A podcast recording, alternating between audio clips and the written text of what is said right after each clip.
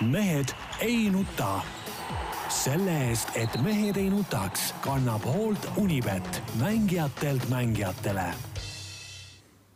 tere kõigile, kes meid kuulavad ja vaatavad, ükstapuha mis vidinatest, ükstapuha mis kellaajal ja mis päeval, Mehed ei nuta eetris, Tarmo Paju Delfist. tervist! Peep Pahv Delfist ja Eesti Päevalehest. tervist! Jaan Martinson Delfist, Eesti Päevalehest ja igalt poolt mujalt nagu me siin saate eel siis äh, omavahel veidikene vestlesime, et, et põhimõtteliselt selgub, et Eesti riik on täiesti juhitamatu, on täiesti kaoses kõik selle koroona ja reeglite ja testimiste ja ja kõige muu pärast ja lõpuks lastakse ka see vaktsiin rahulikult äh, kuppama minna ja, ja kuppama või? kuppama, jah. Ah, uus sõna või? see on nagu sõelmäng või? jah.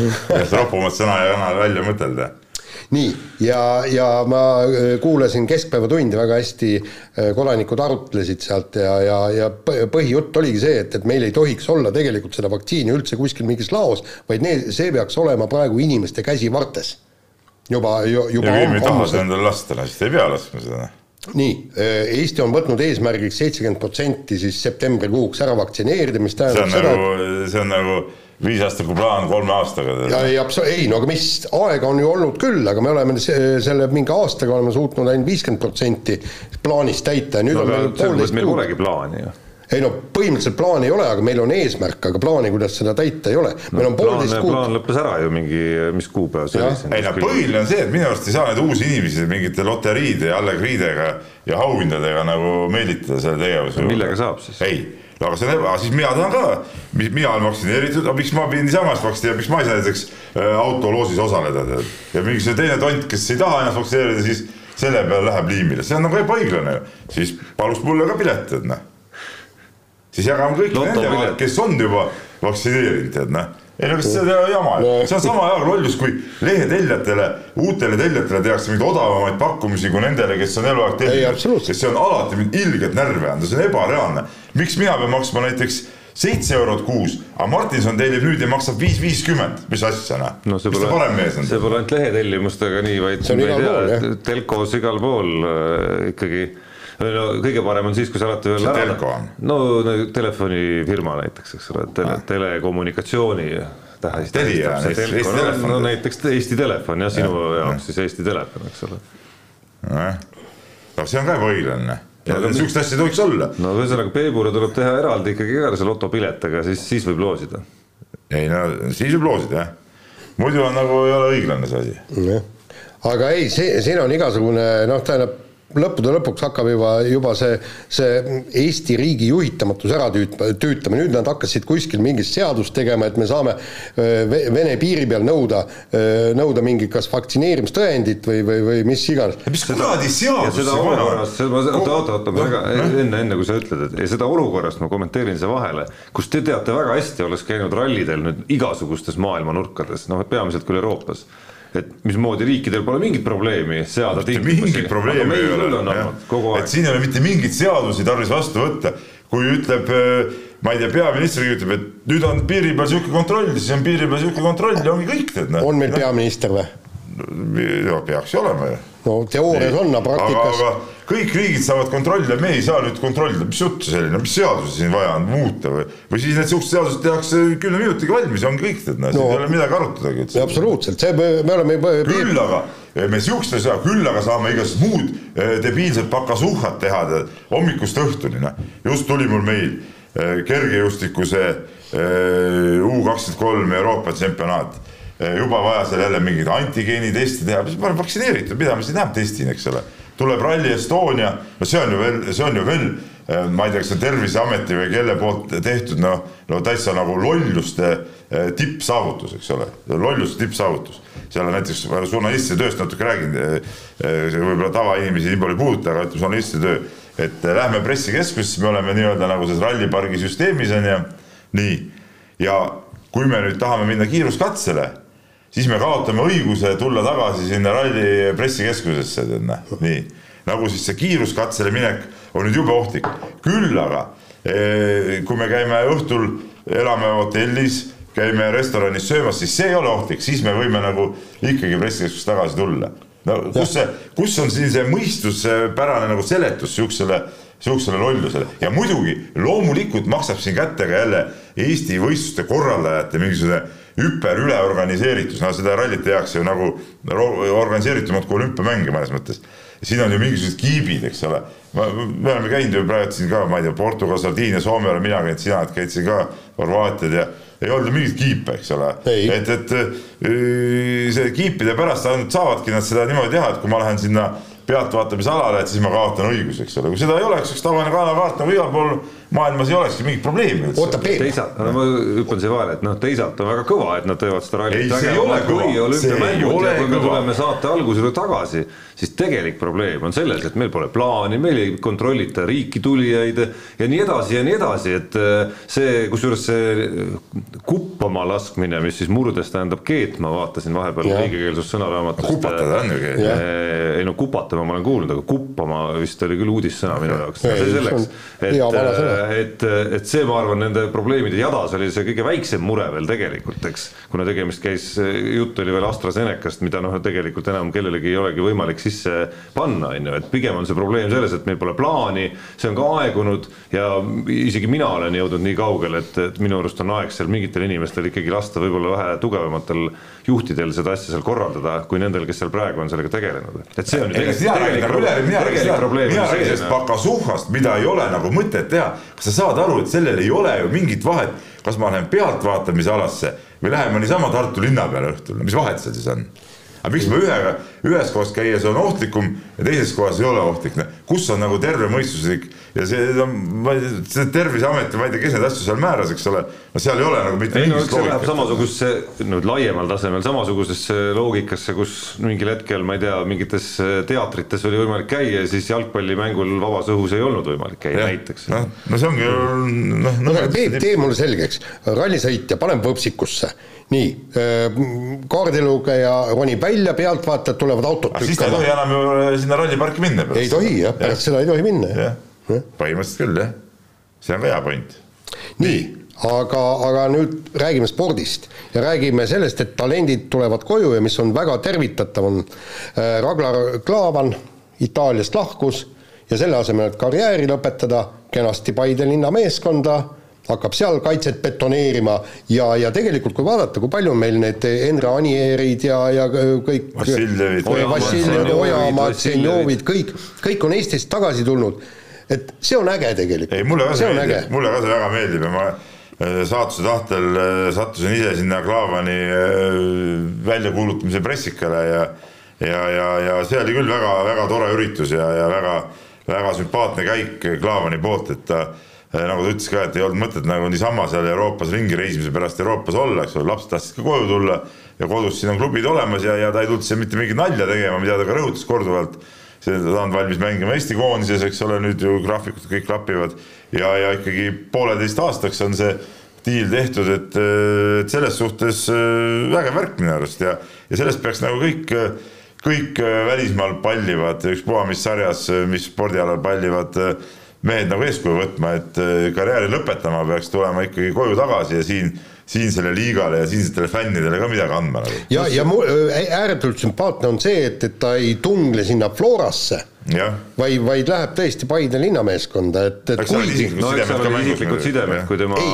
äripartner ju tegelikult on selle klubi eestvedaja. ei, see, see selleks, okei okay,, me vaatame siin tõesti, aga no see, siin on ju Paidesse on läinud ka teisi, jah. mänguliselt oleks võinud ju küsida Florast ennast ja kindlasti oleks vastu võetud. Noh. jah no üks, üks väike nüanss siin võib-olla veel, millele ma isegi juhiks tähelepanu, et okei okay,, sa tõid võrdluseks teised Eesti pallimängijad ka võiks samamoodi käituda, et noh, Ragnar Klavan on muidugi üsna erandlik pallimängija Eesti mõistes, et, et vaadates, kuidas tema karjäär on käinud, siis võiks nüüd arutleda, kas see on, kas see isegi kõvem karjäär ei ole kui Mart Poomil on ju, kindlasti saaks täitsa korraliku vaidluse püsti panna sellel teemal. ehk siis ta on mänginud väga suurtes klubides, kindlasti teeninud ka väga korralikku palka ehk siis ta on jõudnud kindlasti ka mingisugusesse faasi oma elus ka rahaliselt, kus äh, mulle tundub, kuuldes ja lugedes, et ta siin tegeleb ju äriasjadega ja ja järelikult on oma teeni-, teenistust pannud ka korralikult ikkagi ja targalt äh, veel nagu nii-öelda lisa teenima. ehk siis tal ei ole praeguses karjäärifaasis enam vaja nagu nui neljaks ma ei tea, jääda tiirutama kuskile, ma ei tea, Skandinaavia klubidesse, Itaalia esiliigasse, Poolasse, no kuhu iganes, kindlasti turgu oleks tal ju kõvasti, kus teeniks rohkem kui, kui näiteks Paide linnameeskonnas on ju. et selles mõttes on ta ka, ma arvan, hea selline nagu eeskuju nagu rahatarkuse mõttes kõikidele, kes välismaal tiirutama hakkavad ühel hetkel. et, et kuidas vältida seda, et sa pead siis mingil hetkel, kui sa oled oma tipust juba läbi käinud, et kuidas vältida seda, et sa pead seal veel nagu raha nimel veel, veel tegema neid ja neid samme, mida su pere ja sa ise võib-olla ei taha enam hingeliselt. ja aga, aga siit, siit oleks nüüd tegelikult minu meelest äh, väike mõttekoht ka Eesti nii-öelda jalgpalliliidul ja, ja, ja, ja mõte on just see, et, et meil on tegelikult päris häid mängijaid, kes tiirutavadki eh, nii-öelda keskpärastes klubides, istuvad pingil ja kõik sellepärast, et nad saavad sutikene rohkem pappi, kui nad saaksid Eestis. ja vot nüüd tulekski tegelikult, vot siin ongi mõttekoht et kuidas me saaksime tõsta need palgad, et meil ei olegi võib-olla vaja see, et, et mingisugused noored saaksid viissada eurot või kaheksasada eurot eh, siin kuus, noh sellega saab, ma arvan, et klubi ise hakkama.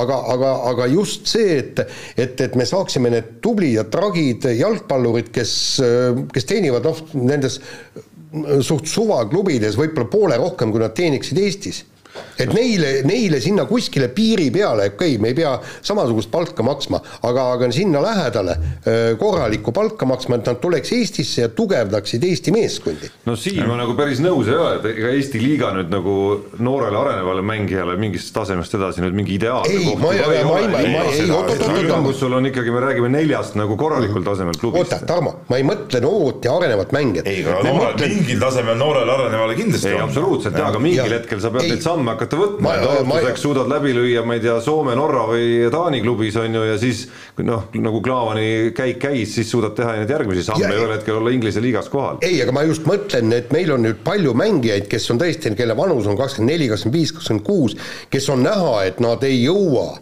sinna nii-öelda äh, Klaavaniga poomi tasemele. no seal nad... tasub üritada veel, mina väidan äh, no,. aga sa pead ära tundma enda taseme loomulikult no, ja oma potentsiaali. Äh, sellepärast, et me, meil on ka niisugused, kes on, ma Jaanis aga vahele, on ka niisugused, kes ikkagi on hiljem avanenud tegelikult. ka korvpallis on niisuguseid mehi, kes on ju, kes on ju väga hilja avanenud. jaa, aga siis sa saad ju avaneda ka siitsamast Eestist ja meil on ju ka olnud neid mängijaid, kes on tulnud Eestisse ja siit uuesti ära läinud. jah, aga ta on natuke keerulisem, ma julgen väita ikkagi noh, kui nüüd korvpalli paralleel tuua. Kristjan sa... Kitsing on näiteks hea näide selle kohta, kes ju ka ütleme ka mingis nooremas vanuses käis seal Taanis näiteks on ju, just Lõuna-Ameerikas vist käis korraks isegi on ju, et otsis neid kohti nii-öelda, olgu siis natukene rohkem teenimiseks või selleks, et kuskil teha mingeid samme edasi.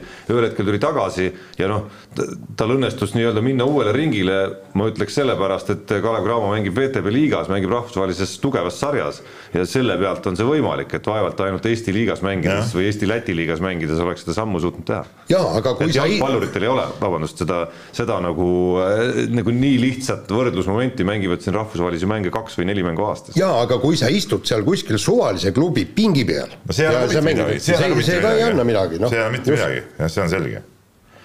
nii. no vot, ei, raske on jah mitte nagu nõustuda sellega, et et väga hea, et ta tuleb ja, ja, ja nad teevad need mõned hooajad siin, et minu arust Konstantin Vassiljev on väga hea näide, kuidas see on ühest küljest aidanud tõsta ikkagi nii seda koduse liiga taset, ma ütleks, et ka nagu tähelepanu ikkagi sellele kodusele liigale veel juurde andnud. mitte, et seda nüüd äh, eriti Rahvusringhäälingu kaudu vähe oleks, aga, aga veel juurde. Ja pluss tegelikult äh, nagu näha, eelmisest aastast äh, on aidanud Florat ka, ka väljaspool Eestit paremini mängida. jah, muidugi, ei, see on vahva nii, aga vahetame teemat, üks saaga ei lõppe ega lõppe veel tükil ajal tegelikult. Heiki Nabi Äh, sellest äh, dopingukaristusest me rääkisime eelmises saates juba, siis oli meil lootus, et tänaseks oleme näinud ka Eesti antidopingu distsiplinaarkomisjoni selgitustega otsust, aga tutkit pratt. tutkit pratt jah, et, et Heiki Nabi tiimil on voli see otsus välja anda aga nad otsustasid seda nüüd ikkagi mitte teha, kuigi seni on pigem ajanud siis sellist liini, kus kõik on väga avalik ja, ja nii edasi, nii edasi. no see on minu silmis põhimärk, mis näitab, et asjas on mingid kahtlased jooned sees tegelikult no,. Paul Keres nii ei arva. no Paul Keres äh, võib mitte nii arvata, aga mina arvan, et, et nii on, et kui sa koha peal rääkida, ma avatud, äh, tuleme kõikide asjadega välja, midagi varjata ei ole, aga miks nüüd järsku varjata on siis? Mis, no küsimus nad väitsid see, et, et, et kuna see on osa toimikust, mis läheb rahvusvahelisse spordi no, mis see, ei, mis see, kuidas Ei. see nagu mõjutab ei, kuidagi ma ei, ma ei tea, ma ei ole jurist, ma tõesti ei oska, ma eile ma tegin, ma rääkisin mõlema osapoolega, rääkisin di, Eesti antidopingu distsiplinaarkomi-, komisjoni juhi Margus Muguga, kes on vandeadvokaat ja Paul Keresega, kes on samuti va- vandeadvokaat, Eik-, Eiki Nabi eh, kaitsja, kuul-, kuulasin eh, mõlemad ol- osapooled ära, muhvigi aru ei saanud, panin kõik selle ilusasti le- no huvitav on see, et sa panid, sa ei saanud muhviga aru, panidki kirja. ma Jah. lugesin ja ma pean küll ütlema, et äh, väga hästi sain aru, minu arust koorus sealt väga hästi välja ka see, miks Nabi tiim ei taha seda otsust nagu detailselt avalikustada. ehk siis äh, seal on ikkagi ka olemas kogu see äh, selgitus Eesti antidopingu poolt, et miks Nad järjest- miks need argumendid jah., mis tulevad Heiki Nabilt ja Paul Kereselt, alustades sellest samast juukse- või karvatestist, miks need ikkagi ei ole nagu sada protsenti vettpidavad asjad, et see oli täpselt see info avalikust ruumist, mis tegelikult eelmise teisipäeva seisuga kell üksteist oli puudu jah, noh, tegelikult ütleme niimoodi, ma tean ka selle ja, ja, ja see ongi muide, kui te lööte sisse eh, see juuksekarva test, doping ta-ta-ta, siis te saate, saate peotäie materjale pluss selle ühe uuringu, kus ongi see eh, juuksekarva test, teatud ained, just eh, letrosool käib nende alla, kus eh, ladestub sinna juustesse kõik nii. Ja seal ongi kirjas ja tegelikult VADA üks põhjus, miks VADA seda pädevaks ei tee, ongi see, et, et kuulge, te olete nelja inimese peal seda ainult kats-, katsetanud ja seda ka üheksakümne päeva jooksul on ju, eks. et seal selles äh, sinu tänases loos oli minu arust väga hea näide ju toodud, et kui Andrus Veerpalu pääses oma, omal ajal dopingukaristusest sellega, et need äh, et Piirnormid olid paika pandud, liiga väikse natukene liiga väikse pealt. arvu inimeste testimisega siis sada nagu paika kolmkümmend viis, sada kolmkümmend viis inimest. et siis, siis antud juhul küll nagu nii-öelda vastupidi, eks, on, on selle nii-öelda karvatesti, mille siis, mis on justkui õlekõrs nüüd antud juhul siis nagu teisel poolel ehk sellel, kes on dopingukontrollis vahele jäänud, et noh, selle nii-öelda siis nagu Eesti antidopingu sõnul on see nagu veel vähem valideeritud. see kahendanune karv on veel vähem sellest. ei, väidetavalt no nüüd, et noh, seal öeldi, et tegelikult on see kaelane aluse eh, karva uuringud on läbi viidud ta-ta-ta, eks, aga, aga noh, tähendab nii-öelda, et vastaspool nagu vassis natukene sellega, see on, tähendab, mulle on nüüd öeldud, eks, aga kusjuures kes see vassis siis?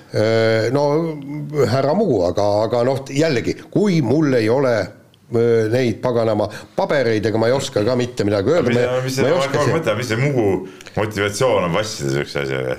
ei no ei no ilmselgelt mõlemad pooled äh, peavad, peavad eelkõige lähtuma ja, ja ei, levitama neid argumente, midagi, Mugu on milles, milles see, kes langetas otsuse, tema ei pea midagi ju seal midagi vassima, mis ta seal on? noh, ta ei pea vassima, ta peab äh, väljendama neid seisukohti, miks nad selle otsuse niipidi tegid, on ju. muide, aga, aga siit mulle ei nüüd edasi minna. minule ka ei tundu, et neil peaks mingi olema mingisugune ekstra huvi äh, sportlast just nimelt süüdi Jah, mõista okei, ma loodan, äh, et neil ei ole seda. nii, tähendab selge selle karvatestiga on nii, nii nagu on, kuigi ega, ega, ega see, see, et, et see on uuritud ainult neljal inimesel ja üheksakümne päeva jooksul, see ei tähenda, et see karvatest ei oleks pädev.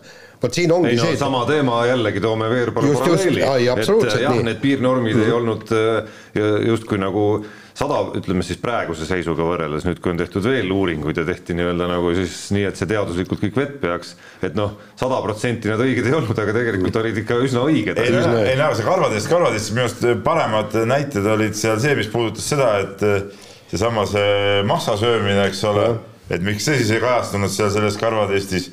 Pluss siis see, et ei suudetud välja tuua ühtki inimest, keda nad siis eh, väitsid, et, et kelle käest ta võib-olla saanud seda. just, aga, aga vaata nüüd, vot siin ongi, siin on tegelikult jällegi minul on kaigas visata nüüd äh, selle nii-öelda distsiplinaarkomisjoni poole.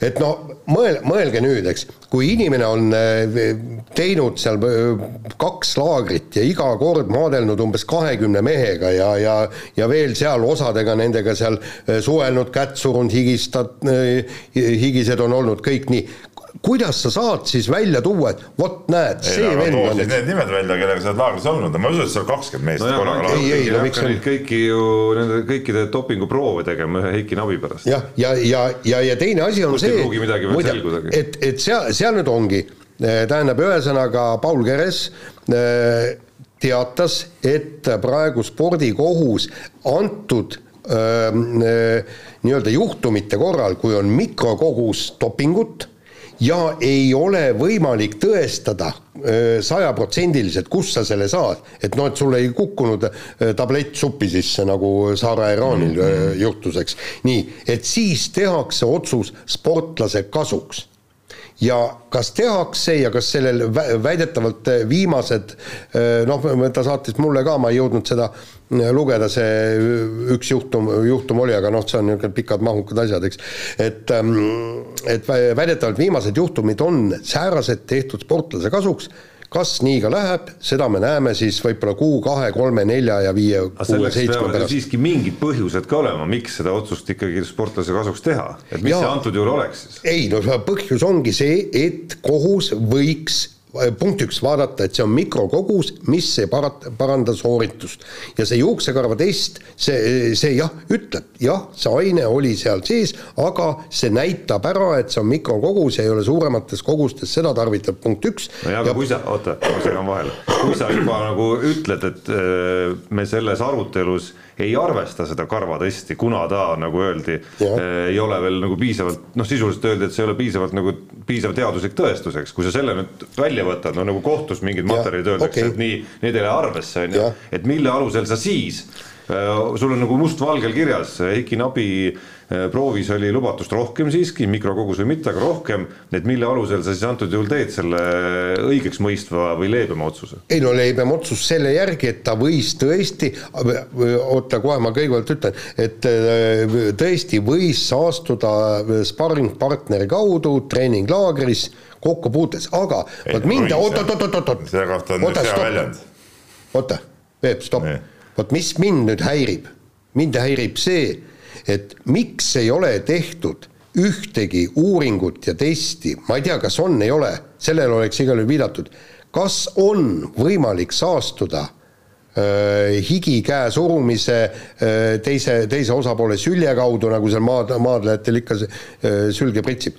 kui oleks niisugune uuring, et jah, see on võimalik, hoopis teine lugu oleks ju, on ju. No kas ei ole tehtud? Ja kas see, kas see uuring ei, ei tähenda ei, no, see ei tähenda ikkagi, siis peaks ikka olema teada. ei, aga ma tahaks teada, kas see on. järgi kontrollida need, kellega ta on maadelnud. samamoodi saab tulla teooriaga välja, et äh, ongi väga keeruline olukord, mul on siiralt kahju, eriti kui Eki Nabi on süütu. aga mind natuke Jaani, Jaani olek, Jaan on ise advokaat number kaks. sama hästi sa võid tulla ju välja teooriaga, et äh, mulle keegi, me käime siin ka Peebu, Peebuga lõunal mõnikord on ju, et keegi poetas lihtsalt teenindaja oli poetanud mulle tableti sinna, ma ei tea, pasta sisse on ju jaa, ei no põhimõtteliselt, äh, aga see võibki nii olla ju ja, no Jaan, ära hakka ajama selle. no kuule, kas sa usud seda, et Saare Iraanile kukkus pastakastmesse ema öö, tablett või, usud sa seda või? Või siis teine, teine juhtum, kui oli, oli seksimise kaudu. et Nabi puhul see ei ole, Nabi puhul see ei ole võimalik, sellepärast et seal on noh, tähendab see, see, kellel siis see juhtus, see oli naisterahvas, eks, et noh, et et sealt, äh, sealt niipidi, eks, et Nabi ka no sellest loogikast nüüd aru ei saanud, miks ei no sperma kaudu, sperma kaudu sattus organismi, eks, mehel on seda no, raske okay. ja vot see on nii, aga äh, noh, aga kas sa tookord, ma seda lugu, kas sa tõestasid ära ka, et see mees oli siis nagu äh, tarvitas? jah, jah, jah, jah, jah, oli et, et, et, et põhimõtteliselt kui... vastupidi, ma nüüd püüan harida ennast, vastupidi pole võimalik. ei, väidetavalt ei ole võimalik okay., äh, härra Mugu rääkis mulle teistpidi. vaata, see tundub küll kahtlane, et kui äh, vastupidi, ütleme, seksides ei ole see võimalik ja siis käe surumisega läbi higi on see võimalik, ma ei tea, kuidas pidi nagu rohkem seda kokkupuudet nii-öelda kehavedelikega on siis nagu tead. ja no see pseudoteaduse hulk, mida me oleme viimase umbes seitsme-kaheksa minuti jooksul. ei no kas sulle tundub, kas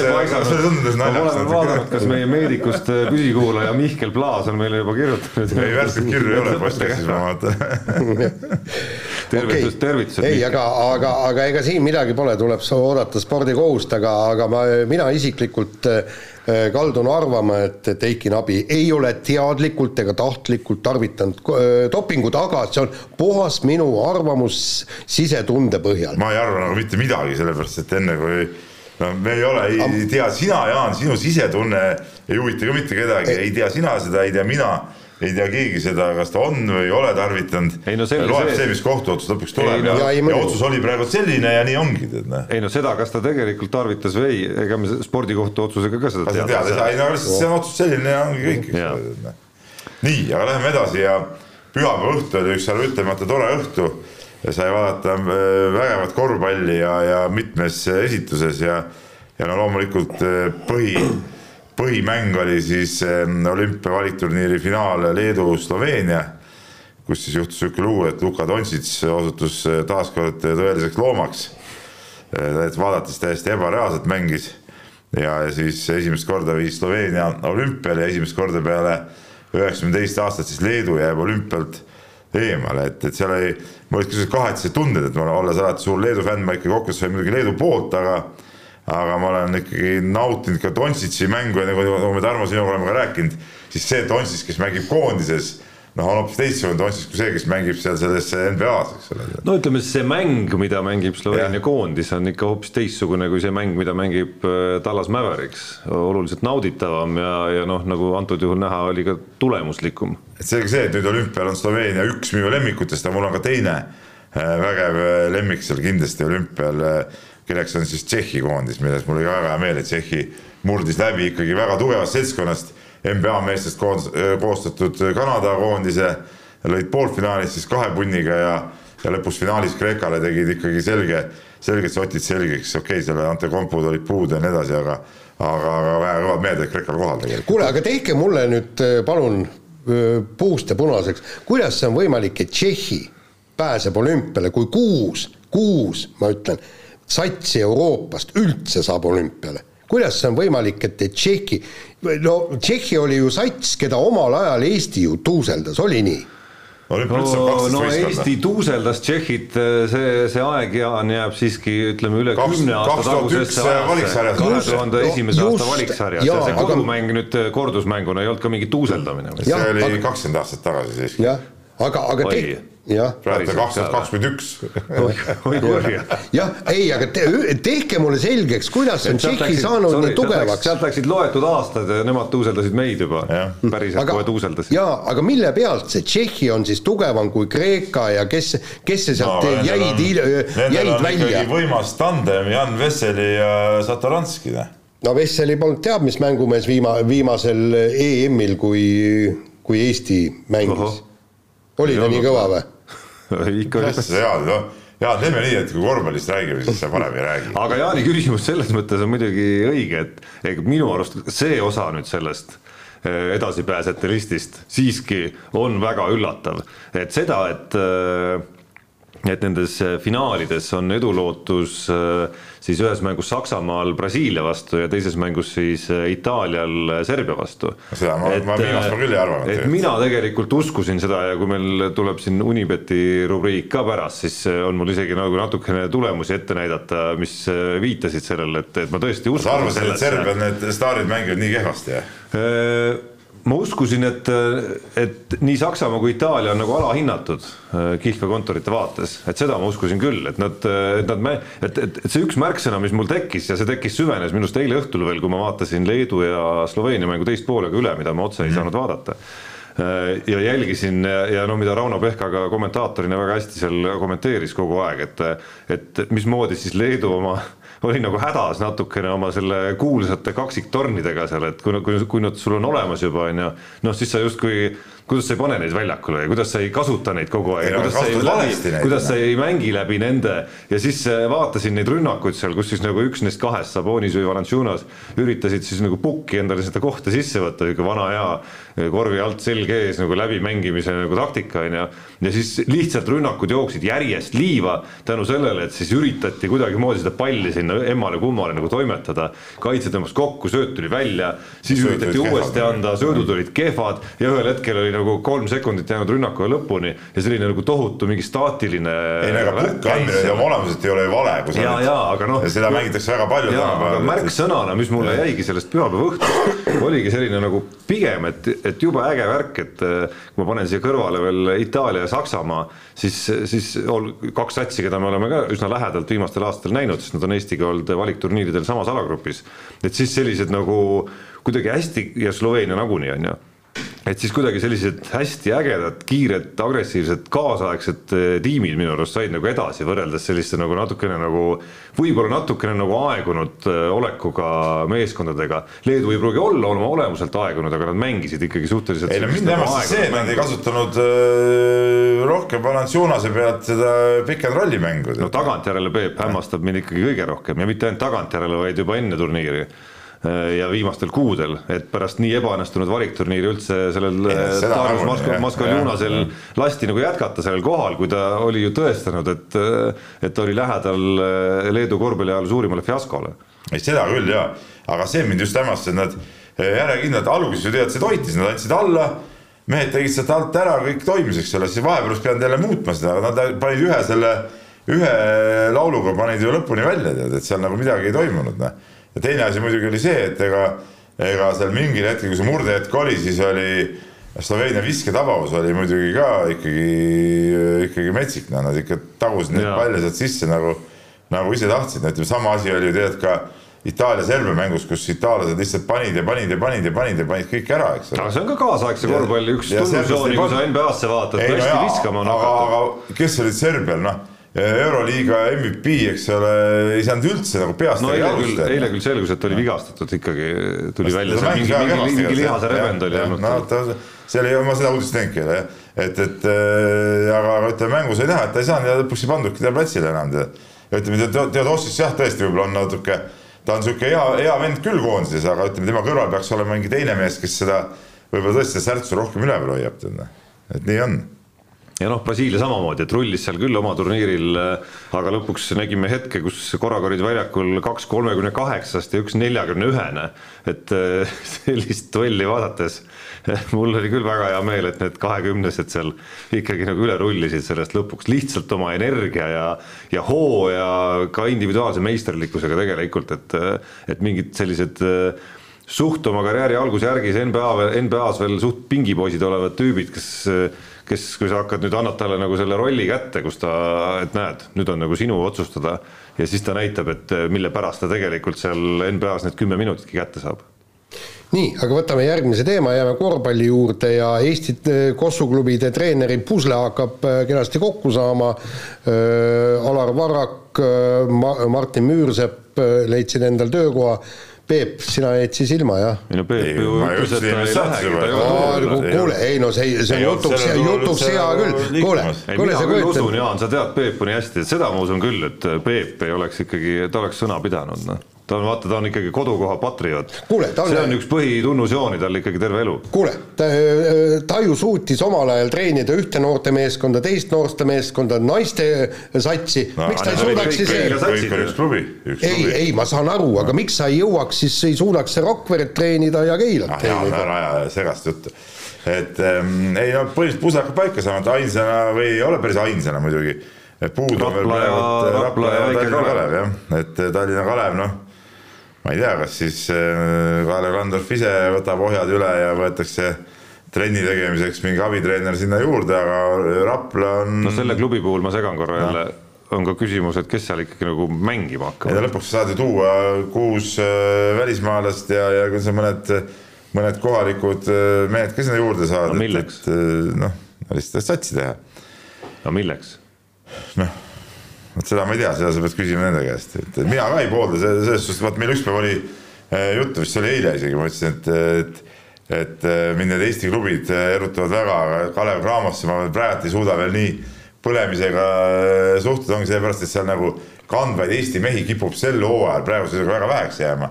ja see on kohe minu jaoks nagu tõmbab nagu selle huvi tegelikult allapoole, et väga kihvt, kui nad mängivad ja, ja ma hoian loomulikult pöialt ja olen nende poolt. aga sihukest nagu, kuidas ma ütlen, sihukest nagu, nagu fännamise huvi tõmbab see minu arust nagu allapoole, kui sul ei ole omi mehi nagu eriti, keda, keda fännata, et nad on, aga nad on mingites eh, nii tagum-, tagumise järgu asendites seal tead. Noh. aga ei, mind kõige rohkem huvitab see, kuidas Martin Müürsepp äh, Rakvere Tarvaga toimetama hakkab, sest et ütleme, Tallinna Kalevis võib-olla tal noh, see esimene hooaeg, okei okay,, see oli sihuke poolik hooaeg, eh, seal kõik nagu õnnestus, mehed olid olemas, kõik.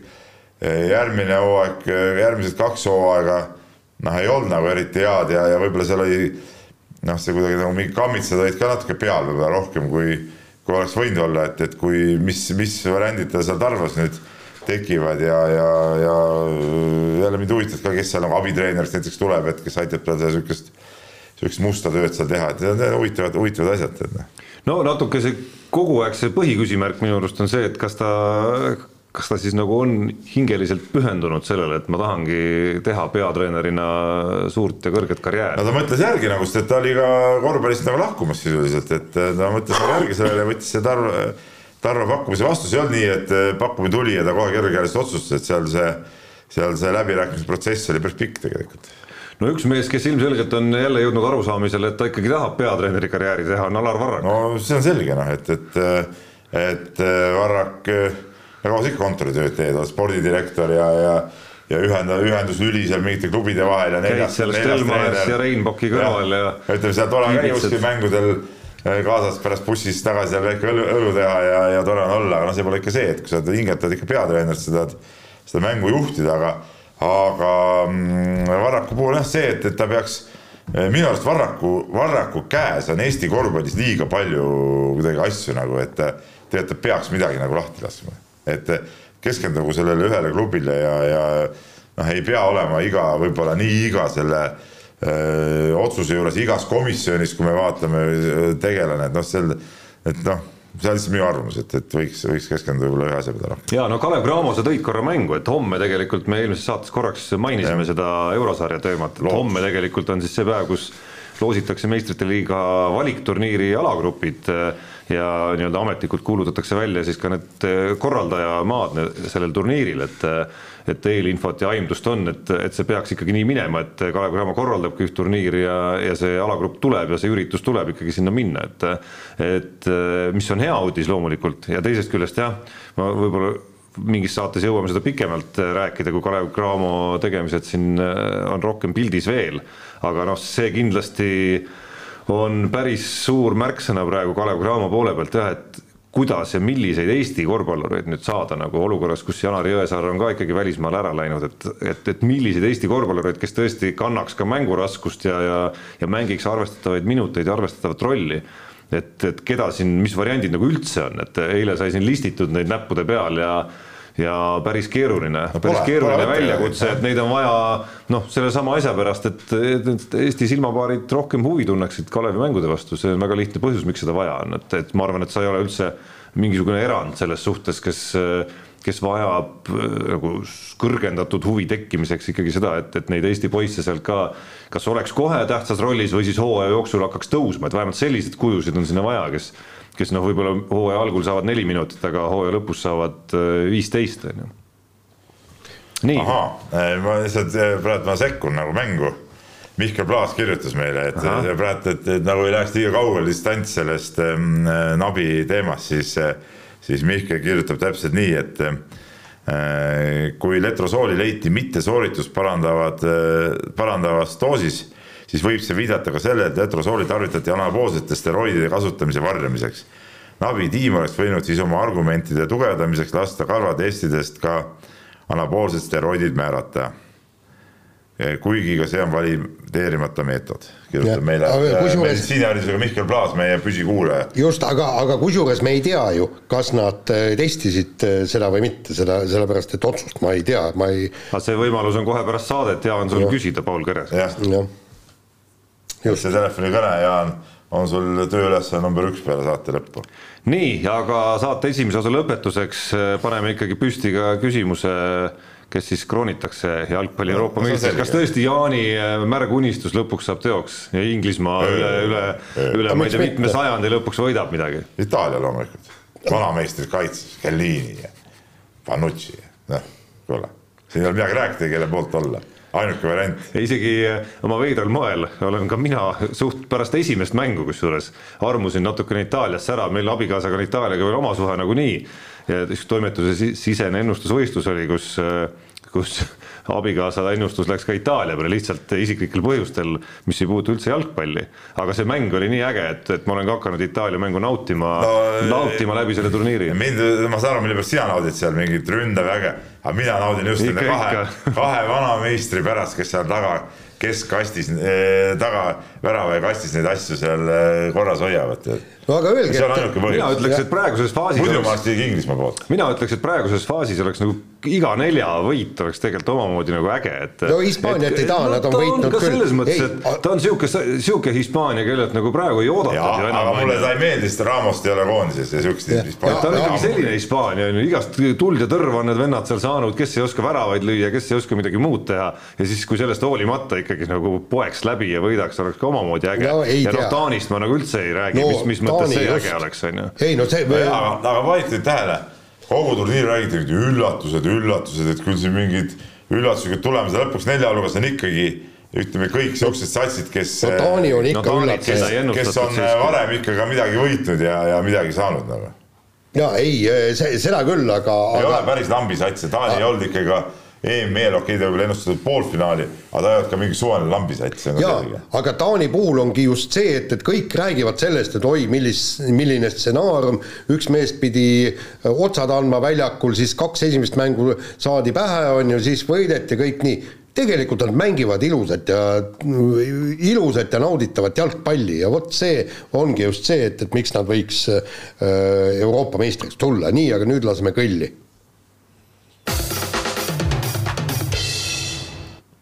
Läheme kiire vahemängu juurde ja, ja kusjuures me ka vahele, Taani on maailma edetabeli kümnes riik lausa. no tead, see maailma edetabel, see on ei, ka no nii ja naa, noh Belgia on esimene ja pealt, on ju, aga mitmes on et Itaalia, Hispaania ja Inglismaa? Itaalia seitsmes, Hispaania kuues, Inglismaa neljas, et noh, selle no, järgi aga kus need kolm esimest siis on? aga no, maailma kolm esimest on, Belgia, Prantsusmaa ja Brasiilia. no kus need Belgia, Prantsusmaa on väljas,, nägid, eks. see, see ei maksa midagi, nii, aga Eesti eh, olümpiakoondis kuulutati välja ja jah, ajasin näpuga järge, vaatasin üle, noh, ütleme muidugi võ- võtame nüüd laia pilti, on see, et, et kogu selle nimekirja, nimekirja puhul on kõige kahetsusväärsem, et sealt puuduvad kolm meie täiesti reaalset äh, medalilootust, eks. Magnus Kirt, Heiki Nabi ja Mart Seim. et No et, et see, see on äh, kahetsusväärne, teine, teine, mis, mis ma sealt üle võtsin, meil on, tegelikult on neli, neli äh, verinoort, võib öelda spordi mõistes, verinoort talenti, kes, kes võivad no okei okay,, sel olümpial ilmselt mitte, aga kel, kellel on veel kolm olümpiat ees, eks ju, kaks kümnevõistlejat ja pluss kaks ujujat. meil kahekümne kolme aastased Erm ja Tilgast Tilga jah, ja, ja siis Eneli Jefimova ja, ja siis Gregor Tsirk. Gregor Tsirk, eks. aga mis on nagu äh, miinus, meil on meeletu hulk veterane, kusjuures meil on ka kolm sportlast, kes on üle neljakümne juba.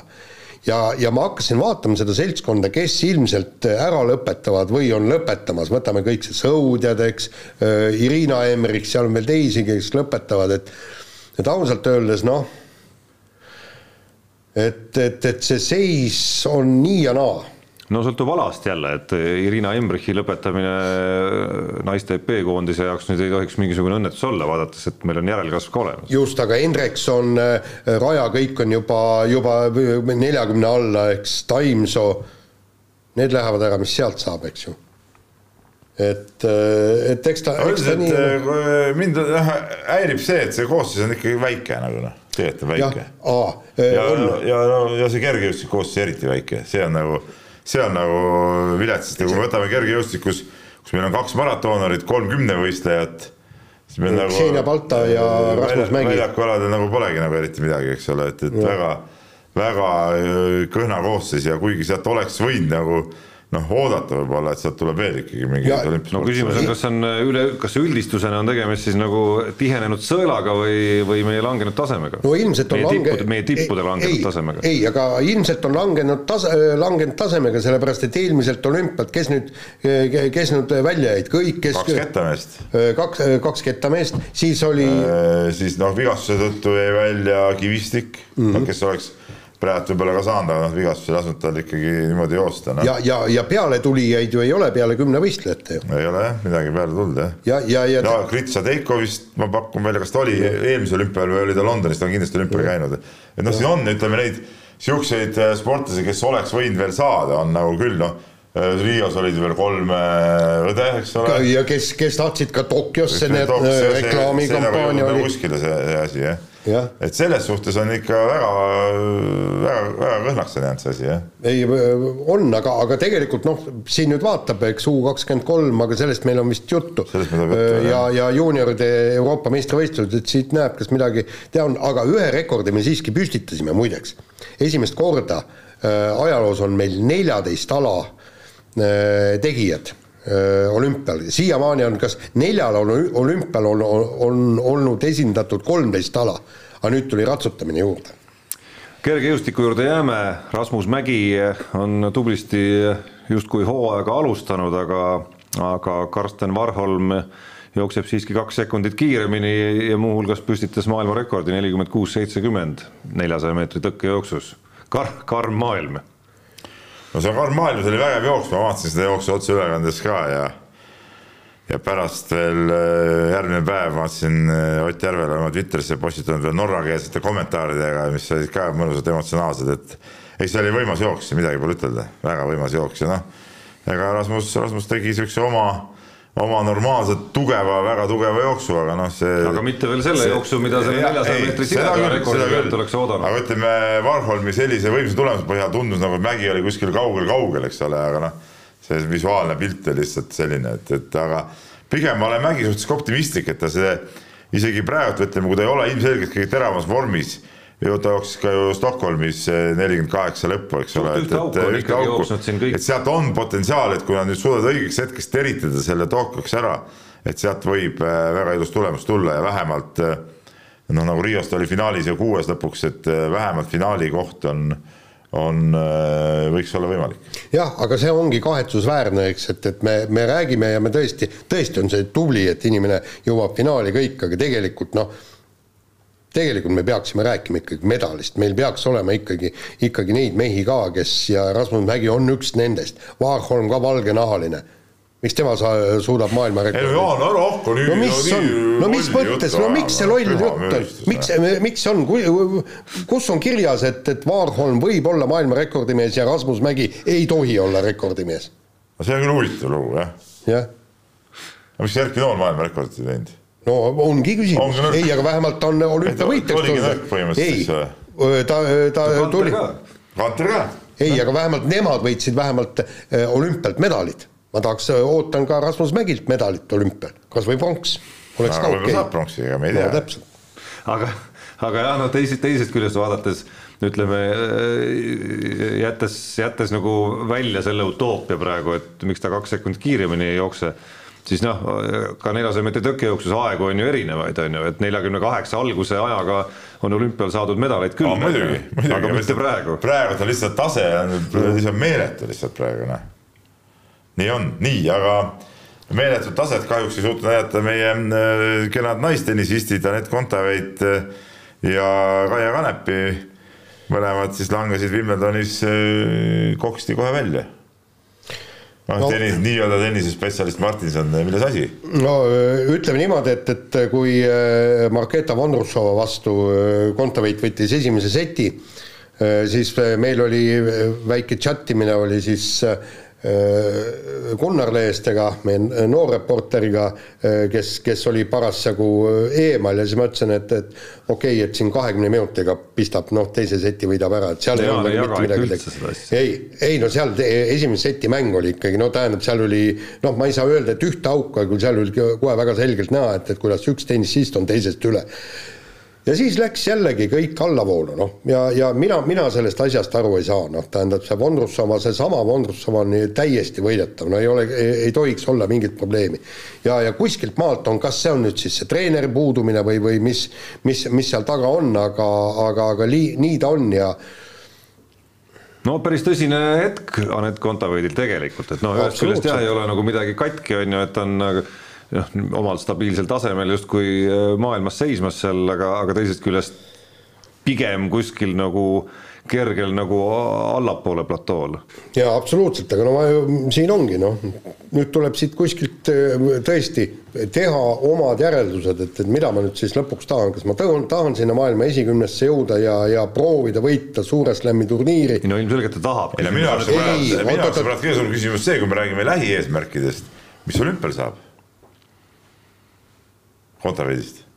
no mis saab, no lähme mängime. ei no, no äh, me läheme mängima noh. no ja no, no, no ta läks samamoodi Wimbledoni no jaa, aga suurturniiridel okei okay., ma saan aru, tennisistide jaoks need äh, suure staami turniirid on eriti tähtsad, võib-olla olümpia on grammi võrra madalam, aga ikkagi see ei ole nagu noh, see ei ole nagu mingi suvaline mingi, ma ei tea, suvaline turniir, eks ole, et lähen lihtsalt mängima nendeks ju tuleb ikkagi valmistuda, kuidagi teritada no, ennast, eks ole. küll ta valmistub ja küll ta teritab. mind huvitab, mind muu, just muu hooaeg võib üldse nässu minna, kui ta olümpial toob medali, siis on äh, kõik timm, eks ole.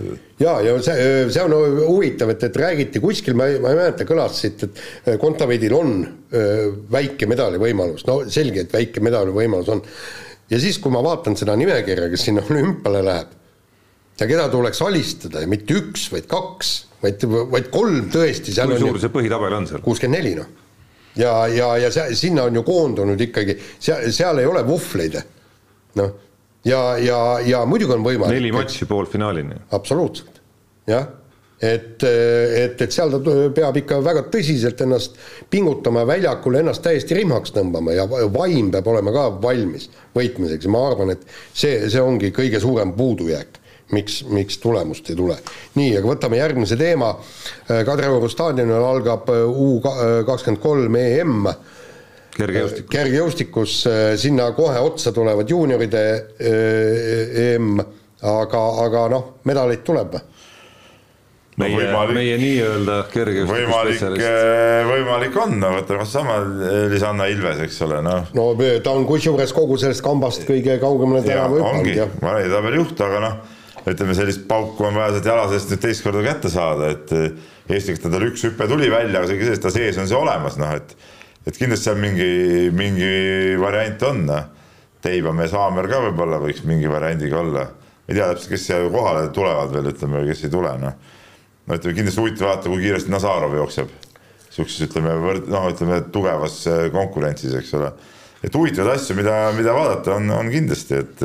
nagu et ma iga... saan aru, nagu ma saan aru, Teivas Duplantis, kes võiks ka siin võistelda, ilmselt tema kohale ei tule. loomulikult ei tule jah, et aga, aga lihtsalt ma räägin, et noh, huvitavaid asju, mida vaadata on kindlasti, et igal juhul soovitan neljapäevast pühapäevani staadionil ära käia jaa, aga tegelikult, tegelikult see näitabki, kuivõrd hea on meie kergejõustik, sest vaata, siin ongi see, et et sellises konkurentsis, mis on nii-öelda U kakskümmend kolm ehk siis kahekümne ühe kahekümne kahe aastased, põhimõtteliselt mm -hmm. noh, sisuliselt kaks-kolm, kahe-kolme aasta sportlased, see, see, see konkurents ei ole eriti võimas.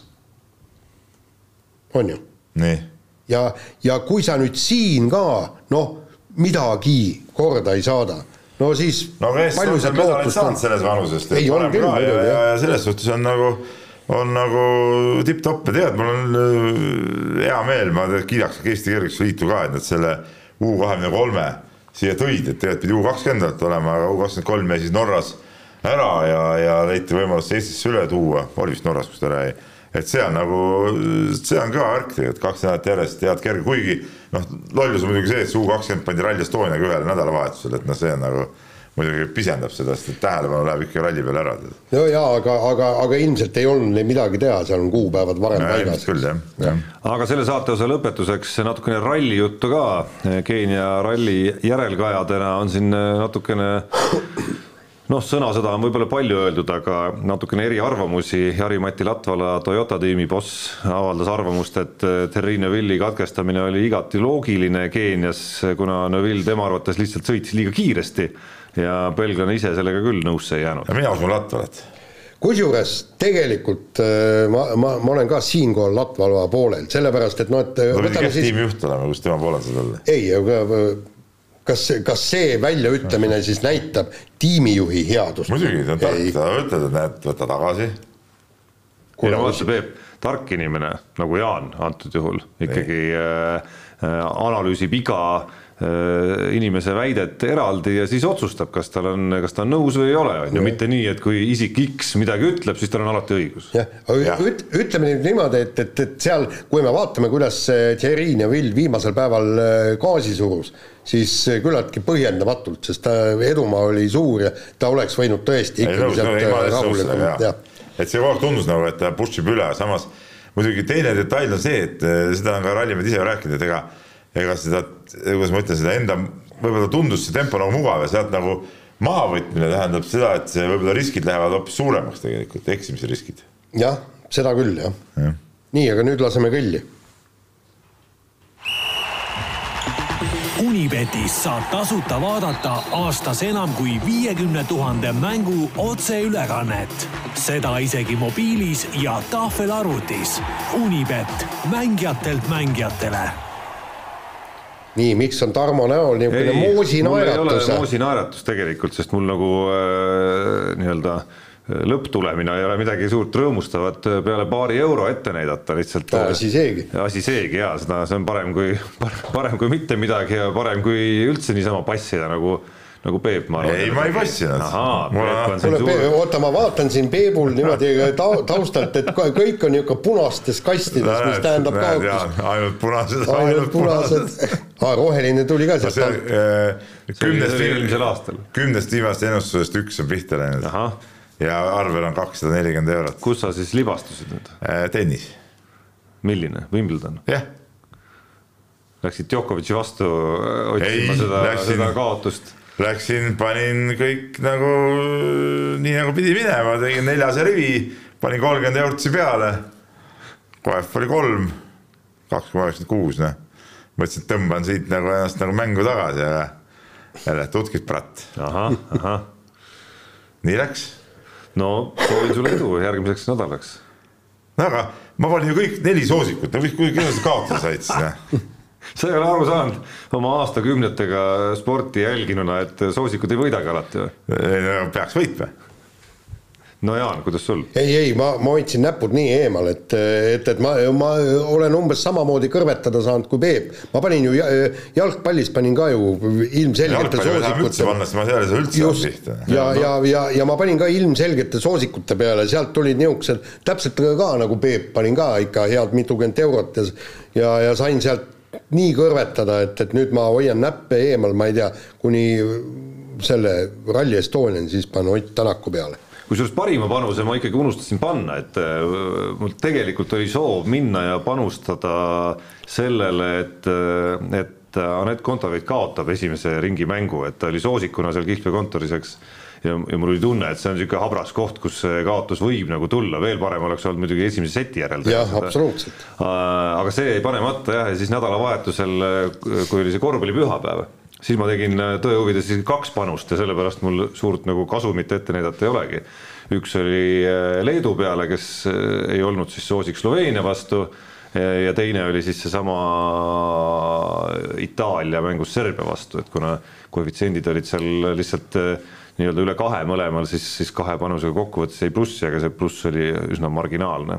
aga noh aga..., istun seal ikka paigal kuskil kolmesaja viiekümne kandis kuskil jumal, see on rohkem kui üle saja, üle saja euro vist rohkem. no nagu Jaan tõestas eelmisel aastal, see ei maksa midagi, Ameerika jalgpallihooaeg kuskil on tulekul. see, seekord peaks erireegli tegema, et, et Ameerika jalg, et ainult Euroopa spordile võib ennustada. no aga see on Euroopa sport, Euroopas näeb seda ja seal mõni eurooplane mängib ka nii, aga mehed ei nuta eripanusest ka, see puudutab tänaõhtust FC Flora meistrite liiga eelringi mängu oh, mingi Hibernians oli, oli selle satsi nimi vist, Malta, Malta, Malta, Malta meistermeeskond jah, kuna see lihtsalt Flora võit oli selline nagu suhteliselt kehvakese koefitsiendiga ja selleks, et Peep ka ikkagi näeks siin mingisugust väärtust, siis sai Mehed ei nuta eripanuseks tehtud äh, selline küsimus või selline ettepanek, et Flora võidab selle tänase mängu vähemalt kahe väravaga ja, ja selle koefitsient on siis kolm koma null nii et eh, see peaks nagu ületama nagu selle lati ka, mis Peep, Peep üldse nagu ahvatleb panustama ja ootama sinu edulugu või siis vastupidi põrumist. see Flora ei ole nagu minu nagu nii. Ei usu või? ei tekita minu arust sellist enesekindlust, et sinna panna nagu. kas sa ei usu vanameistrisse Vassiljevisse? no Vassiljevisse ma usun, aga seal on see käid ka natuke ümber, tead noh. kes nimeliselt paluks? noh, seal on. kõik ülejäänud. noored ei, ma olen Flora mänge vaadanud muidugi, isegi Eesti, ma olen vigased isegi Eesti meistrivõistluse mänge vaadanud. ei no, no ma ei tea, ma klubi jalgpallis ma ei julge nagu Eesti klubide peale panna ausalt öeldes noh aga kusjuures ma ütlen siia juurde veel ka, et, et ma ise kavatsen selle ennustusvõistluse muidugi nüüd kinni panna äh, ka Unibeti erimänguga, kus kakskümmend viis tuhat eurot on võimalik äh, jalgpalli EM-i poolfinaali avavärava õige ennustamisega saada arvele. sekundi pealt pead panema? ei, minutist vast piisab siiski. kakskümmend viis tuhat või? jah kõik, kes panevad, saavad kakskümmend viis tuhat või? ja siis vist läheb jagamisele ikka, ma arvan. aga ma arvan, et äh, sellest piisab, et see ennustus kinni panna. oota, kas see tähendab, ühesõnaga sa paned ainult siis, äh, ainult minutit nõutakse, lööjat ei ole vaja? lööja ka ikka ah., see on ju lihtne hmm.. kes? ei no ma teile ei ütle seda siis.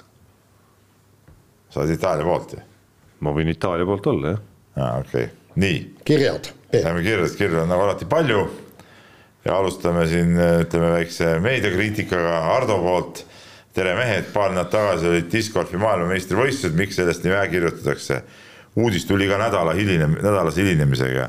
see aasta oli põnevamaid, üks põnevamaid MM-e, kus ei puudunud ulmesooritused viimasel korvil ja liidrite kõrbemine. nii naiste kui meeste finaalis. Peep kui ka harrastusmängija võiks rohkem sellest alast kirjutada ja poleks paha, kui te saates leiaks discgolfi kui kõige kiiremini areneva spordiala kohta rohkem kajastust. no peab tunnistama, et ega nüüd tegelikult ütleme, äh, discgolfi lood väga, väga suurt lugejaskonda muidugi ei ole võitnud, tähendab, ütleme nii. ka need MM-i lood, mis said tehtud, ütleme nüüd mingit meeletut huvi ei tekitanud või praktiliselt üldse huvi ei tekitanud tegelikult. aga ei, ma selles mõttes ütlen, et teisest küljest kriitika on põhjendatud ja ja eks tulebki natuke rohkem teha neid uudiseid ja siis võib-olla jälgida natuke pikema aja peale, et see loetavus ka tekiks, et ma arvan, et siin on nagu õigus mõlemal poolel. no ta nii ja naa, ütleme jah. nii, aga kirjutab meile teadlane Priidik äh,, alaline kirjasaatja ja äh, kirjutab nii äh,. selleks, et võita suurturniire, pole teatavasti vaja olla parim kõikidest teistest meeskondadest, vaid ainult nendest, kellega mängida tuleb. Mõningatel meeskondadel võib loosiga vedada looma kombel, nagu seekord on Inglismaaga kahtlemata juhtunud eks selline teatud juhuslikkus ole ka osa selliste turniiride võlust ja pakuvad oleks-poleks arutelusid veel aastateks. kuid keda pakuksid saatejuhid võitjaks, kui EM-i formaat oleks selline, et näiteks poole aasta jooksul mängivad kõik meeskonnad omavahel vähemalt ühe mängu ja kulla saab kaela suurim võitude, suurima võitude arvuga meeskond. no vot. Ei no siin on väga selge, tähendab soosik saab olla sats kellel on noh, nii-öelda piiramatud ressursid, ehk siis sellepärast, et kuna, kuna see, see on ikkagi ütleme niimoodi, et et see säärane turniir jõuab ikka, võtab ikka kõvasti jõudu. see on Kirimaale mm. no jah, kui sa nüüd hakkad vaatama ja. neid maailma või Euroopa kasvõi suurriike jalgpallis, noh, siis seal on kõigil piiramatud ressursid, et ja. mille poolest eristub sul, ma ei tea, Saksamaa, Itaalia, Hispaania, seal ei ole vahet tegelikult, et et ei no ütleme, Taani ei võidaks. no Taani ei võidaks ilmselgelt jah, ei jõuaks nii kaugele, sellega ma olen absoluutselt nõus ja aga see on nagu suurriikide, suurriikide vahel hakata vahet tegema, sõltub ainult sellest, kellel parasjagu parem põlvkond, parem treener, parem mängijate kooslus ja paremini asjad sujuvad. ma ütleks nii, et kui EM on selline pudru, nagu ta praegult on, mis minu silmis nagu ei ole, mingi EM mingi mööda Euroopat laiali, küll siin, küll seal. ja teab, siis kus, Aasias ka vahepeal. Aasias Bakuus mängivad, eks ole, no ime, et nad Alaskale ei sõida, eks ole et siis võikski olla juba nii, et davai, võtame kaksteist satsi, panevad omavahel nagu nagu tšempionaadi aasta jooksul ja võitjad Euroopa meistrid. Šveitsi süsteemi võiks proovida äkki. ei, ei, ei, see, siis ka ei, kõike mängi kõigiga, ei, aga siis teemegi.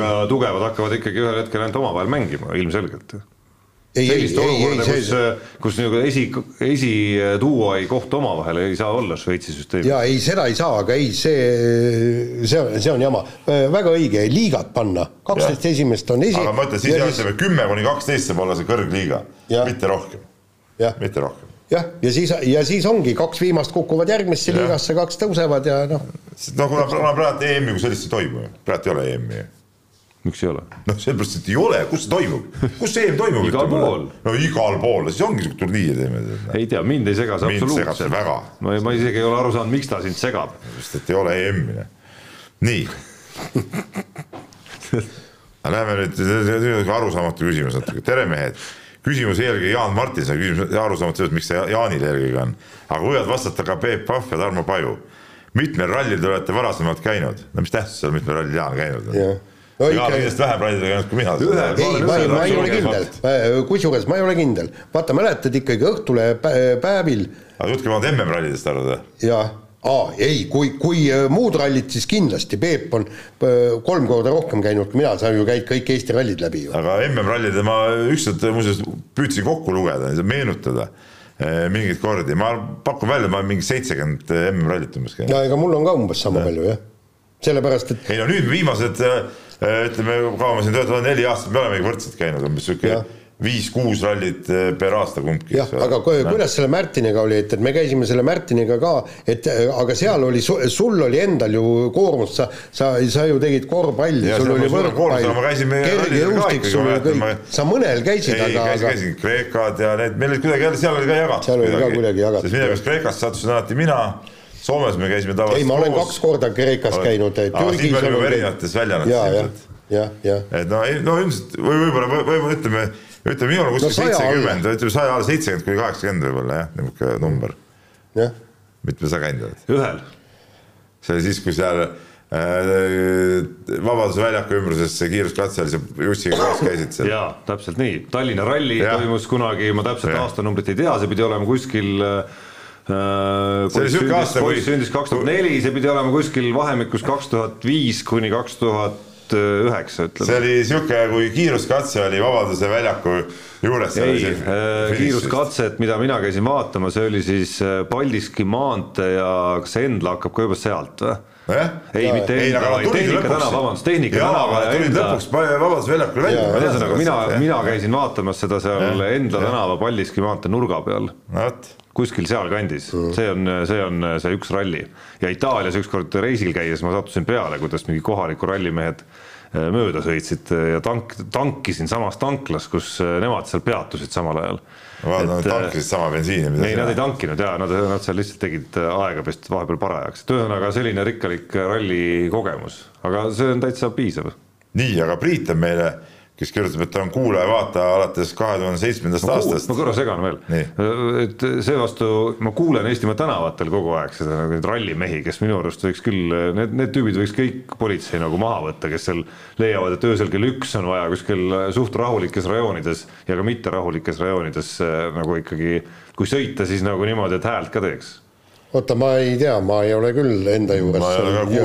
küll aga ma tean ka, et meie külas on ka vahest mingid kihutajad, keda kelle ma isegi rusikat vibutanud, kui nad on mööda tusanud, aga aga meil nagu see häälega kihutajaid seal väga ei ole. no on, on, pluss veel motikamehed ka, kes kuule nagu,, aga tuleb elada normaalsetes, ei, Tarmo, tuleb elada normaalsetes kohtades. ma olen sõitnud viimasel ajal Vasalemmast ka läbi mõned korrad nii. ja ära tule mulle rääkima, et eh, sa lihtsalt elad seal nagu nii, noh, ütleme seal nagu sellest suuremast teest nii palju eemal lihtsalt, selles on küsimus. kui ma õhtuti muuseas mõnikord võrkkiiges pikutan siis, kui mõni motikas läheb mööda maanteed, no mis on minu arust ikkagi kilomeeter eemal umbes linnulennult, või isegi natuke rohkem võib-olla, siis ma mõnikord kuulen küll, kui seal mõni motikas keerab peale või mõni vilkuriga auto, noh sireeniga auto läheb, aga üldjuhul ma neid ei kuule muidugi. Tarmo, sa võid maha rahuneda, nelja-viie aasta pärast on kõik ralliautod e e elektriautod ah,, sahisevad ja, ja, ja, ja siis on kõik probleemid lahendatud. vaata nagu omal ajal panime jalgrataste külge need filmilindid kõristid, eks ole, need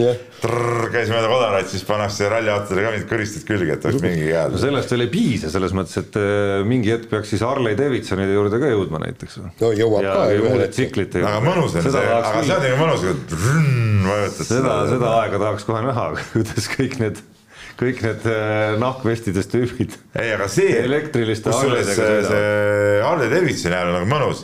rohkem mind häirib see, kui on need ähm, paigid oma pinisema, siukse häälega lähevad. parmupillid. see on ikka mõnus siuke, tead, no see on, seda laseks ise ka tead nii, aga nüüd on sihuke, äh, ma hakkasin rääkima, et äh, kirjutas meile Priit, kes on kuulaja-vaataja aastast kaks tuhat seitse ja väga huvitav küsimus tere mehed, et esitan teile päevapoliitilise spordiküsimuse. tänase seisuga ei ole presidendivalimistele esitatud ühtegi kandidaati, kelle taga oleks Riigikogus piisavalt hääli, et kandidaat, kandidaati saaks esitada, rääkimata äravalimisest. seega oleks Jüri Ratasel ja Kaja Kallasel kindlasti teie abi vaja parimate kandidaatide väljakäimiseks. kas teie meelest on Eesti spordiringkondades väärikaid inimesi, kes võiksid sobida presidendi toolile ja kes need oleks? kuule, Märt Roosna tegi ju suurepärase artikli, kus ta pani kirja kõikvõimalikud äh, presidendikandidaadid, sportlased, seal oli Erki Nool, seal oli Kristiina Smigun-Vähi, seal oli äh, Andres Sõber minu meelest oli seal, seal oli kogu äh,, otsi see artikkel üles ja meil on tegelikult kandidaate Navalom äh,. aga eile ma just hakkasin mõtlema, et meil peaks olema äh, võiks presidendiks teha need spordiinimesed, üks on nagu nii-öelda peatreener, kes siis no nagu juhatab vägesid. Ja siis umbes kaksteist nii-öelda asepresidenti, abipresidenti. Ja iga kord, kui on mingi probleem vaja lahendada, ütled nii, sina lähed, näiteks on kellelgi vaja üle kurgi panna või siis äh, läbi sõimata, nii, Andres Sõber, mine räägi, kuidas asjad on või Erki Nool, siis kui on vaja ja, ja, ja siis, kui on vaja pehmemalt asja ajada, siis saadetakse Gerd Kanter sinna. ja, ja ma arvan, et Eesti, Eesti riigis saaksid asjad paika. no kes on Eesti spordi väärikamad kujud üldse nagu sellised, kes ei, Erki Nool oleks väga hea. Suu ja kõik kuulavad. Erki Nool oleks väga hea president, ma arvan no ütleb tal on õiged vaated ka siuksed. rahvameelsed, rahvuslikud. ja ta ütleb nii, nagu asjad on. ütleb nii, nagu asjad on, mingit keerutamist ei ole. Tarmo Tiisler võiks olla spordirahvast, president Tiisler. ei mina, ole, liiga pehmeks. mina küll. Tiisler, Tiisler on tore mees, väga tore mees, tervitame siinkohal ja kindlasti kuulab ka aga Jaan Jotk õige, võib-olla natuke liiga pehme, et ei tule siukest konkreetset äh, no ja siis, kui tuleb see konkreetsus ja see ei klapi sinu vaadetega, siis on jälle häda, nii et no, igatepidi on valesti, et konkreetsus on okei okay ainult siis, kui, kui on samade vaadetega nagu sul. no Nool on, Nool on hea, hea variant jah, jah. jah, ma olen ka nõus. ja, jah, pooldame sportlaste, sportlaste rindelt sealt mõni, mõni eakas väärikas treener näiteks või ekssportlane. ei, Andres Sõber, Andres Sõber ka, miks mitte. Andres oleks ka äge mees, jaa. Jaak Salumets. ei, ei Aivar Pohlak. ah, voh, Pohlak on ka muide variant, jaa, miks mitte. Pohlak on ka variant. aga miks sa Salumetsa kohta ei ütled, aga miks ka mitte? liiga, liiga tait. liiga palju, liiga pikalt räägib, liiga pikalt räägib. sa kujutad ette, see kõne, kõne oleks no siis see kõne peaks hakkama umbes, uusaasta kõne peaks hakkama umbes üheksa kolmkümmend. no mis siis, las räägib. ei no jaa, aga noh, tahaks mussi ka kuulata tegelikult nii, võtame viimase küsimuse kiirelt siia, see on nagu, puudutab Tarmot, siis, siis sellepärast võtame selle sisse, tere mehed. eelmises saates rääkisite pikalt sellest, kas Tarmo oskab pudeliga, eh, pudelit avada või mitte, aga kas ta purgiga ka oskab või purgiga purki. samas maailmas toimub igasuguseid absurdseid võistlusi. kas me võiks hakata Eestis korraldama pudeli avamise maailmameistrivõistlusi, mille kohtunikud teie olete? võistlused avavad pudeli, teie kallate sisse ning hindate asja. ei kui sihuke variant on, et kallame sisse, siis muidugi. nii, oota, aga mis see tähendab, purgiga purki? no aga sa oskad purgiga purki avada? purgil on ju klõps peal, mis see seal, mis. no aga ilmselt seal on niimoodi kaks. seda ka näpuga ebamugav saad võtta niimoodi. aga seal on ilmselt äh, kuidagi. ma ei tea, ma ei ole tajunud seda ebamugavust kunagi veel no kas sa, kuidas saavad purke? no aga vaata ikka. kas saavad purgiga purki või näpuga ei. seda, sellest klõksust? ei, ma avan siiski näpuga jah aga ikkagi vaata, naistele ikka teed purgi alati lahti, et ta ei peaks oma näpuga sealt eh, koukima. et ühesõnaga kirja autorilt paluks eh, saata video, kuidas eh, purgiga ei, no, purki avatakse. võimalik sinna kuskile selle klõpsu taha. purgiga pudelit oskad või, purgiga pudelit oskad või? Ma arvan küll, mis seal nii keeruline saab olla. No iga asjaga saab ju. ei no kui sul korra see nõks on käes, siis pole vahet enam millega sa. seal nurga peal. ja no sealt jah, hooletult lüües saab muidugi pudeli kaela lõhkuda. jah, saab. ja laua lõhud nagunii ära aga silmaga oskad või? no ma endiselt ootan seda, ma võtan, Peep, ma luban, ma võtan järgmisse saatesse kaasa ühe pudeli, sa saad demonstreerida silmaga avamist. ja kusjuures see oli see Tarvini auhinna raamat, raamatut kunagi lugesin siis, kui noh, kes inimesed on asjatult surma saanud ja siis seal oli noh, nagu kirjeldustes kirjas, et, et jube palju on maailmas inimesi, kes proovivad, kas see tolmuimeja imeb silmakoopast oh, välja või mitte. Oh,. Oh, no meil Eestis olid ju, oli see eelmisel või üle-eelmisel nädalal. oli mingid kolm tüüpi, kes mõtlesid, et äge oleks nagu proovida, mis juhtub, kui õhupüssiga kätte lasta. No.. ei no see on veel okei. Okay.. ma soovitan teil järgmine kord, ah ei soovita, pärast teetegi, las nad olla ja siis proovida kahurikuuliga kahuris ei, ei ära hakka, ära hakka soovitama, sest Münchhausen vist lendas kahuri, kahurikuuli otsas. ja istus seal sinna peale jah, muidugi. oota ära jama, Peep, ma, ma sain sõnadest kinni.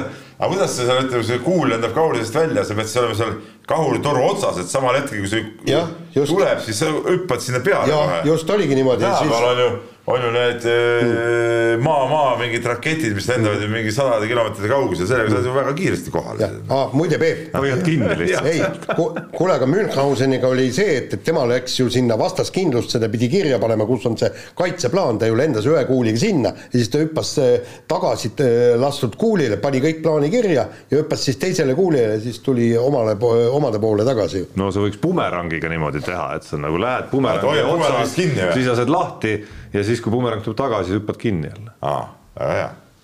üldiselt palju häid ideid siia saate lõpetuseks. ja nii, nii on. Läks see käest ära ikka lõpp. jah, aga kuulake, kuulake meid järgmine kord ja, ja ükstapuha neist vidinatest, ükstapuha millal. aga meie oleme siin järgmine teisipäev kell üksteist. mehed ei nuta. saate tõi sinuni Unibet, mängijatelt mängijatele